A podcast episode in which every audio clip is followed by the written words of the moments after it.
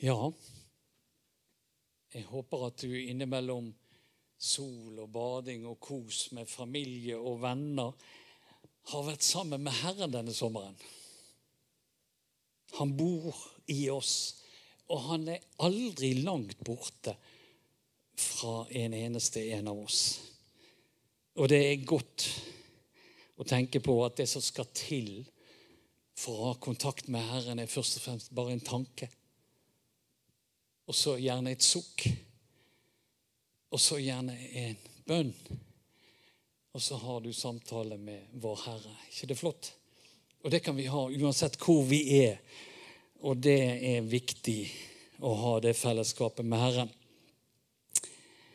Vi skal denne høsten eh, se litt tilbake i, i det som har med tema og forkynnelse. Vi skal se på vår relasjon til Jesus for den enkelte av oss. Hvordan den begynte, tilbake til vår første kjærlighet osv. Vi skal se på menighetens begynnelse, faktisk. Og se litt på historien, hvordan den begynte, menigheten begynte. Hva Gud gjorde, og hvordan utviklingen har vært. Dette vil komme over flere temaer utover høsten. Eh, og I tillegg skal vi ta opp dette med trof, trosforsvar, som vi måtte avlyse i vår. da. Vi håper å få det til. Guds ord oppfordrer oss til å se tilbake. Jeg vil minne Herrens gjerninger og prise ham for hans storverk for alt det Herren har gjort for oss. For den store godhet som Han i all sin nåde og miskunn har vist mot Israels ett, står her. Jesaja 63, 7. Men Gud har vist oss godhet, både som enkeltmennesker og som menighet. Så la oss se tilbake og takke og prise Herren for det han har gjort for oss. Vi skal se litt på vår relasjon til Gud. Og jeg skal lese en, for dere fleste av dere en kjent salme, Salme 73, hvis dere vil følge med. Salme 73. Ja, Gud er god mot Israel, mot dem som er rene av hjerte. Men jeg var nær ved å snuble. Mine føtter holdt på å gli ut. For jeg ble harm på de hovmodige. Jeg så at de gikk det ugudelige vel. De har jo ingen plager.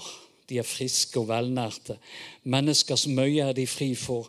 De blir ikke rammet som andre. Derfor er hovmod deres halsbånd Voldsferd er kappen de hyller seg i. Ondskapen strømmer fra deres indre. Hjertets tanker trenger seg fram. De håner og taler ondskapfullt. Ovenfra truer de med trengsel. De løfter munnen mot himmelen, og tungen far omkring på jorden. Derfor vender folk seg til dem, og vannet i mengde suger de i seg. De sier, 'Hvordan vet Gud om det?' Har den høyeste kjennskap til noe? Ja, slik er de ugudelige som alltid er trygge og øker sin rikdom. Forgjeves har jeg holdt hjertet rent og vasket mine hender til tegn på uskyld, enda jeg ble plaget hele dagen. Hver morgen ble jeg tuktet. Hadde jeg sagt 'slik vil jeg tale', da hadde jeg sveket dine sønners ett. Så grublet jeg for å skjønne dette. Det var pinefullt for meg. Til jeg gikk inn i Guds helligdom. Da skjønte jeg hvordan det går dem til slutt. Ja, du fører dem ut på glatte veier. Du lar dem falle og gå til grunne. Over brått de går til grunne. De blir revet bort og ender i redsel. Liksom vi forakter en drøm når vi våkner om morgenen. Slik ringakter du synet av dem når du reiser deg, Herre. Så lenge mitt sinn var bittert, og jeg kjente at det stakk i hjertet, var jeg dum og uforstandig som et fe, var jeg mot deg. Men jeg blir alltid hos deg. Du har grepet min høyre hånd. Du leder meg med ditt råd, og siden tar du meg opp i herlighet. Hvem har jeg ellers i himmelen? Når jeg bare har deg, ønsker jeg ikke noe på jorden. Om kropp og sjel forgår, er Gud for evig min klippe og min del. Se, de som holder seg borte fra deg, går til grunne. Du gjør ende på alle som er utro mot deg. Men for meg er det godt å være nær Gud. Jeg tar min tilflukt til Herren. Jeg vil vitne om alle dine gjerninger. Litt av en tekst. En spesiell tekst, kanskje. Salmisten Asaf snakker om egentlig om et valg som vi alle innimellom blir utfordret til å ta i møte med denne verden og det denne verden har å tilby. Salmisten beskriver det som han opplever som han må ofre for å leve som en troende. Vi kan selvfølgelig ha andre ting som vi kjenner på at vi må ofre her i verden for å følge Jesus. Men vi får i dette et innblikk om å ta et valg. Overskriften på salmen i min bibel har jeg satt som tema 'Jeg blir alltid hos deg', sier han her. Vi skal se litt på denne salmen på noen av disse versene her. To og tre. Men jeg var nær ved å snuble. Mine føtter holdt på å gli ut. For jeg ble harm på de hårmodige. Jeg så at de gikk de ugudelige vel.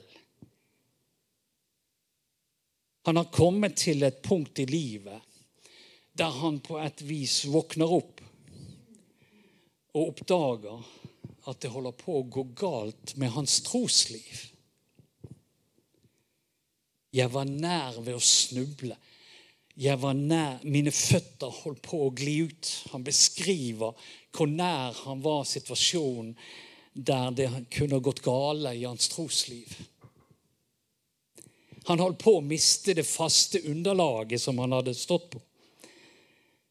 Og Det må jo bety at han hadde flyttet fokus fra Gud og det samfunnet han hadde med Gud, og det livet han levde i tråd med Guds ord og hans bud. Og så hadde han begynt å se seg omkring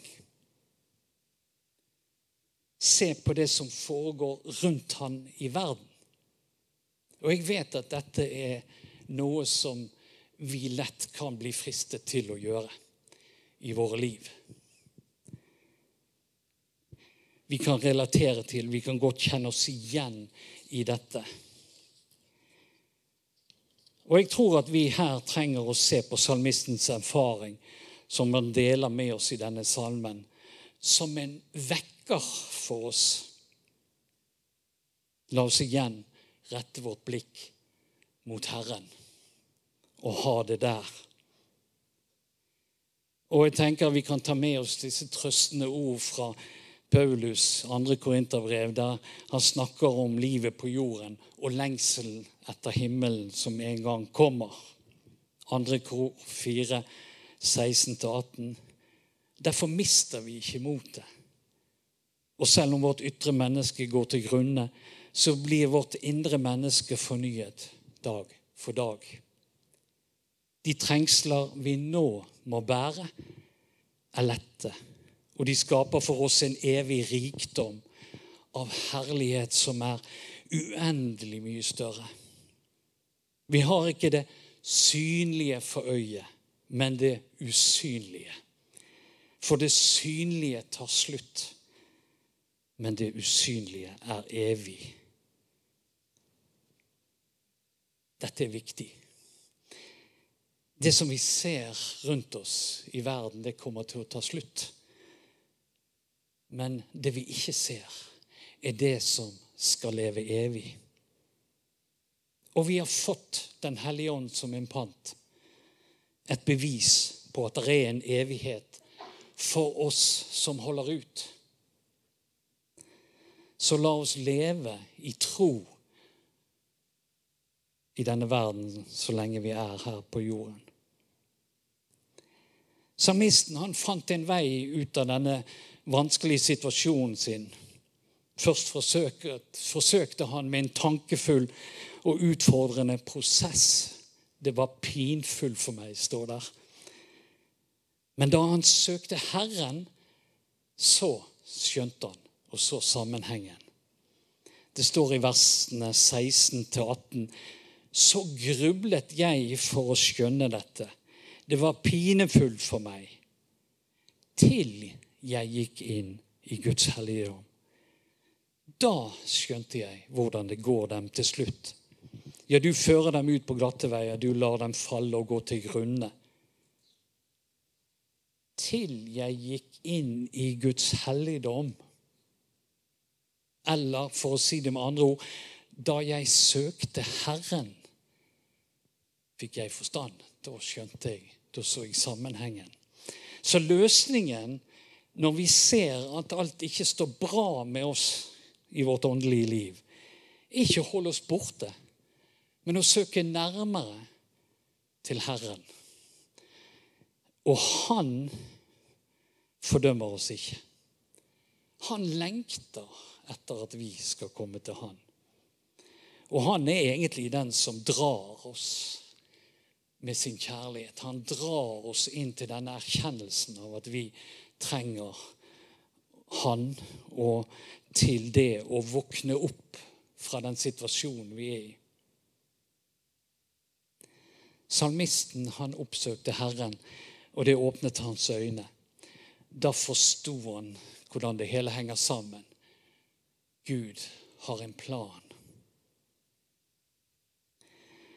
Å søke Herren kan gjøres på mange måter. Det kan være å gå til kirken, komme til menigheten, være der Guds folk samles. Det kan være å sette seg ned med Guds ord og be og ha samfunn med Jesus der du er. Så la oss lære av salmisten som oppsøker Herren for svar og løsninger på situasjonen. Jesus sier i Matteus 7,7.: Be, så skal dere få. Let, så skal dere finne. Bank på, så skal det lukkes opp for dere. Salmisten kommer her, som vi ser, til en erkjennelse og bekjenner for Herren hvordan han har vært versene 21 og 22. Så lenge mitt sinn var bittert og jeg kjente at det stakk i hjertet, var jeg dum og uforstandig. Som et fe var jeg mot deg. Han snakker ut med Gud. Snakker vi ut med Gud når vi erkjenner hvordan det står til med oss? Innrømmer vi overfor Jesus når vi har tatt feil. Og kanskje er det her, når jeg så på dette i min oversettelse, et uttrykk som du sikkert kjenner, 'dum som et fe' kommer fra. Jeg vet ikke om du har hørt det uttrykket, men det er et uttrykk som godt kunne vært brukt i dag. Men det er ikke sikkert vi hadde brukt det sånn som salmisten her gjør. Han snakker om seg sjøl dum som et fe. Og han er oppriktig. Og det bør vi være overfor Gud. Vi bør si det som det er. Og da er veien ut av vanskelighetene åpne for oss når vi erkjenner og bekjenner og snakker ut. Og vi kan like godt erkjenne at Gud har rett at hans råd for livet er gitt for å hjelpe oss. For når han fraråder oss noe, så er det gjort i kjærlighet for å beskytte oss. Og vi kan like godt slutte å tenke at vi skal klare oss sjøl. Vi kan slutte å stake kursen ut for våre egne liv når Herren har skapt og formet oss til en tjeneste i sitt rike. Det beste for oss er å følge etter der han leder oss, selv om vi ikke ser veien. La oss ta valget og si som salmisten Jeg blir alltid hos deg. Jeg vil leve med deg, jeg vil følge deg hvor du henleder meg. Er det som han sier? La oss søke nærmere til Herren. Han har mer for oss. Gjør vi det, så gjør vi som mange andre i vår by, i vårt land og over hele kloden. Saken er at det er en reisende lengsel etter Jesus overalt i dag. Det er mange som søker Herren. Det er mange som søker Gud for svar, som søker Hans hjelp, helbredelse, løsninger på økonomi osv. osv.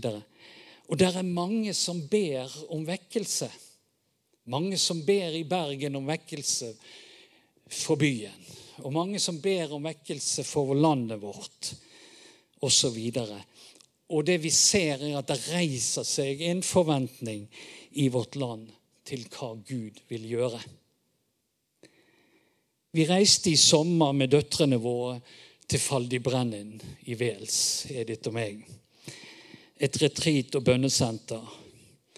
Og her kommer det mennesker fra hele verden for å møte Herren. Å være i dette fantastiske gudsnærværet. Det var flere nordmenn der når vi var der. Og det har det vært de siste årene. De reiser for å få noe fra Jesus, folk. For å møte han med bønneemner osv. Når du kommer der, så er det tidebønn fire ganger om dagen som vi fulgte. Og det er det som er programmet. Det er ikke noe annet program en tidebønn som tar en halvtime til en time, alt ettersom. De som leder timebønnene, jobber ved siden av i resepsjonen, de jobber som gartnere, de jobber og steller rommene osv. Det er ingen som taler, ingen invitasjon til forbønn eller samtale. Det er ganske enkelt et veldig spesielt sted å være for oss. Og det var helt fantastisk å komme der til den første samlingen vi var på. Med en gang de begynte å lese, så kom Guds kraft. Jeg, jeg var, har vært der for to år siden. Det var ikke sånn da, men nå var det så fantastisk. Da ble du møtt av Herren og vi hadde hver for oss en fantastisk opplevelse av dagene på Fall i Brennin. Guds kjærlighet til meg ble overveldende. Og for meg ble relasjonen til Jesus forsterket mens jeg var der. Og hans kjærlighet til meg blir større og større og jeg opplevde å komme inn i en, en hvile. Og jeg kan bare beskrive det gjennom det som en annen salme sier til oss. Han lar meg ligge i grønne enger. Han fører meg til vann der jeg finner hvile.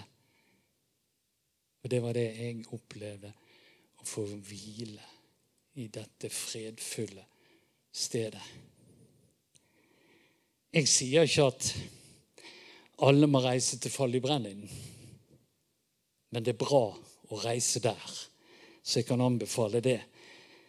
Men uansett så oppfordrer jeg alle til å søke mer fra Herren. For han har mer for oss. Og egentlig så behøver jo du ikke å reise noe sted i det hele tatt. Det går an å ta et valg i hjertet her og nå. 'Jeg blir alltid hos deg', sier han salmisten her. Eller vi kan si 'Jeg vil ha mer av Jesus'. Jeg vil lære deg bedre å kjenne. Det kan være vår bønn til Jesus. Dette retreatstedet i Wales betyr mye for mange. Og, og, de som har lest bøkene, de kjenner jo til historiene som kommer derfra. Roy Goodwin, som er leder av dette her, fikk for et par år siden fra Gud at han kun skulle reise til Norge. Og det er det han gjør. Han har tidligere reist rundt til verden. Vært med å bygge opp bønnehus rundt Middelhavet osv. Men nå har Gud sagt til han at han skal kun reise til Norge. Og det gjør han. Det at Gud kaller noen fra det stedet der til å ha fokus på vårt land, det bør få oss til å spisse ører og følge med. Ganske enkelt. For hva er det Gud har tenkt? Hvorfor skal han det? Og jeg tenker vi trenger å riste støvet av vårt gudsforhold og søke nærmere til Herren. Sånn at vi er klar til å være med når Herren kommer, sånn som han har sagt han skal gjøre i mange profetier. Vekkelsen kommer. Det må jo være det som Gud har tenkt. Vekkelse er noe det knapt går an å forestille seg hvordan det er. Vekkelse berører og fornyer menigheten. Men den største forandringen ved en vekkelse skjer utenfor, i samfunnet rundt. Og jeg anbefaler dere å lese om vekkelsen i Wales, som startet i 1904. Jeg tar med noe kort derfra. For det hadde slik påvirkning at det endret strukturer i samfunnet på den tiden. Kriminaliteten ble sterkt redusert, og noen steder og noen ganger forsvant den helt. Dommeren kom til rettssalen, og det var ingen saker å dømme i. Offentlige steder som pubene, som de har mye av der borte, teaterne og idrettsarrangementer ble tømt. For folket gikk til kirken eller til kapellet. Menn fra kullgruvene som vanligvis hadde brukt pengene på å drikke seg full, kom nå hjem med pengene slik at familien kunne forsørges. Folk kom hjem med pengene, og folk begynte å gi til kirken i stedet. Og noe av det spesielle som hendte, som mange har sikkert hørt om, det var at det forandret språket til disse gruvearbeiderne.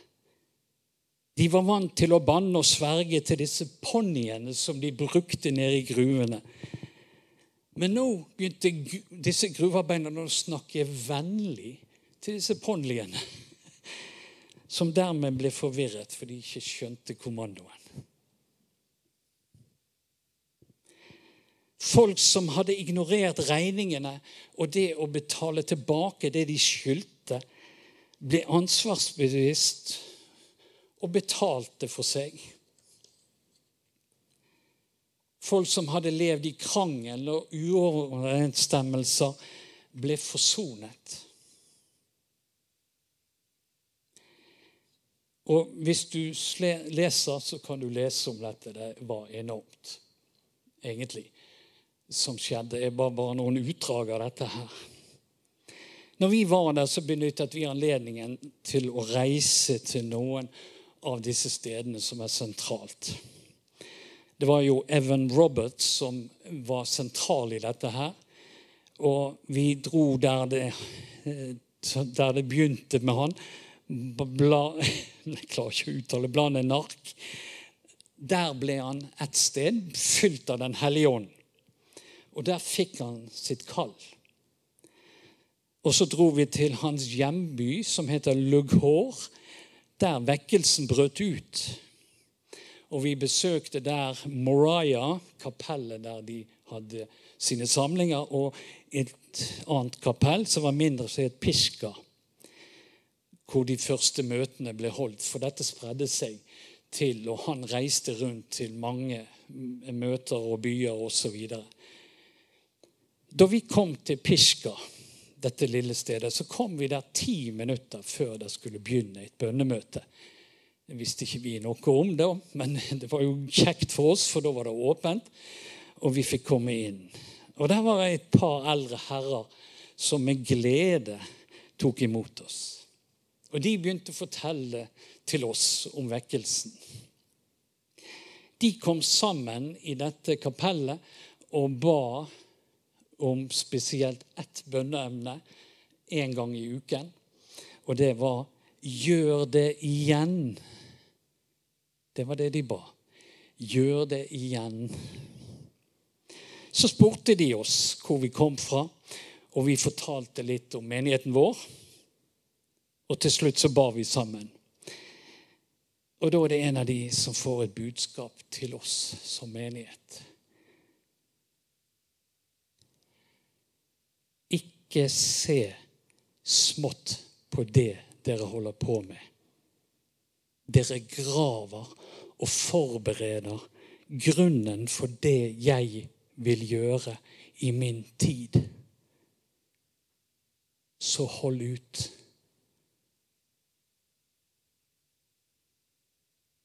Noen ganger kan vi tenke at det vi holder på med her i menigheten, det er ikke så mye. Det er ikke så stort.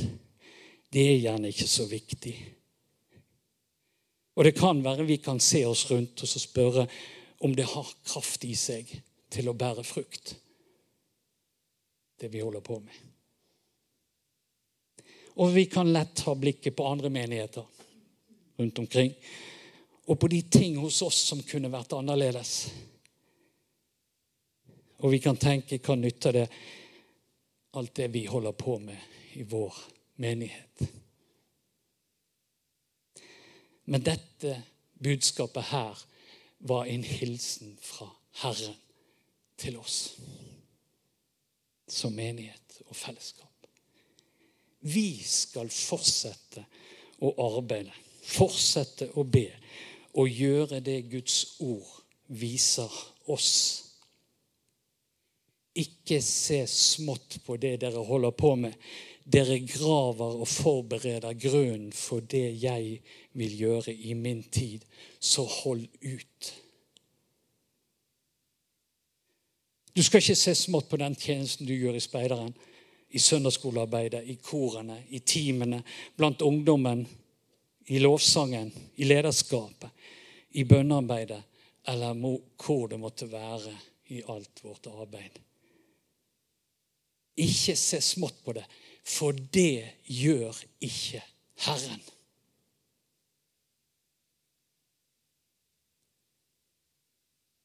Han ber oss om å fortsette arbeidet. Og vi er med på noe som er mye større enn det vi ser i dag. Så la oss holde ut. Vi skal forberede vekkelsen som Gud en gang vil sende over vår by og vårt land. Og ved å fortsette å gjøre det Gud har kalt oss til å gjøre. Og vil du være med på det Gud gjør? så la oss ta disse valgene som salmisten tar. Men jeg blir alltid hos deg. Du har grepet min høyre hånd. Du leder meg ved ditt råd, og siden tar du meg opp i herlighet. Hvem har jeg ellers i himmelen? Når jeg, bare, når jeg bare har deg, ønsker jeg ikke noe på jorden. Om kropp og sjel forgår, er Gud for evig min klippe og del. Se, de som holder seg borte fra deg, går til grunne. Du gjør ende på alle som er utro mot deg. Men for meg er det godt å være nær Gud. Jeg tar min tilflukt til Herren. Jeg vil vitne om alle dine gjerninger. Skal vi be? Vi takker deg, Herre, for at du ser til oss. Og du taler til oss om å holde ut. Om å fortsette det arbeidet vi holder på med. For det vi gjør, har verdi. utover det vi ser. Hjelp oss til å leve i tro, Herre, på det. Og i tro på at du en gang vil sende vekkelse over vårt område. Vårt Arna, vår Arnatveit, Herre. Over Bergen som by og over landet vårt. Takk for at du har talt om det. Og takk for at det reiser seg en forventning i vårt land. Og Jesus, vi vil være med. Vi vil være klar.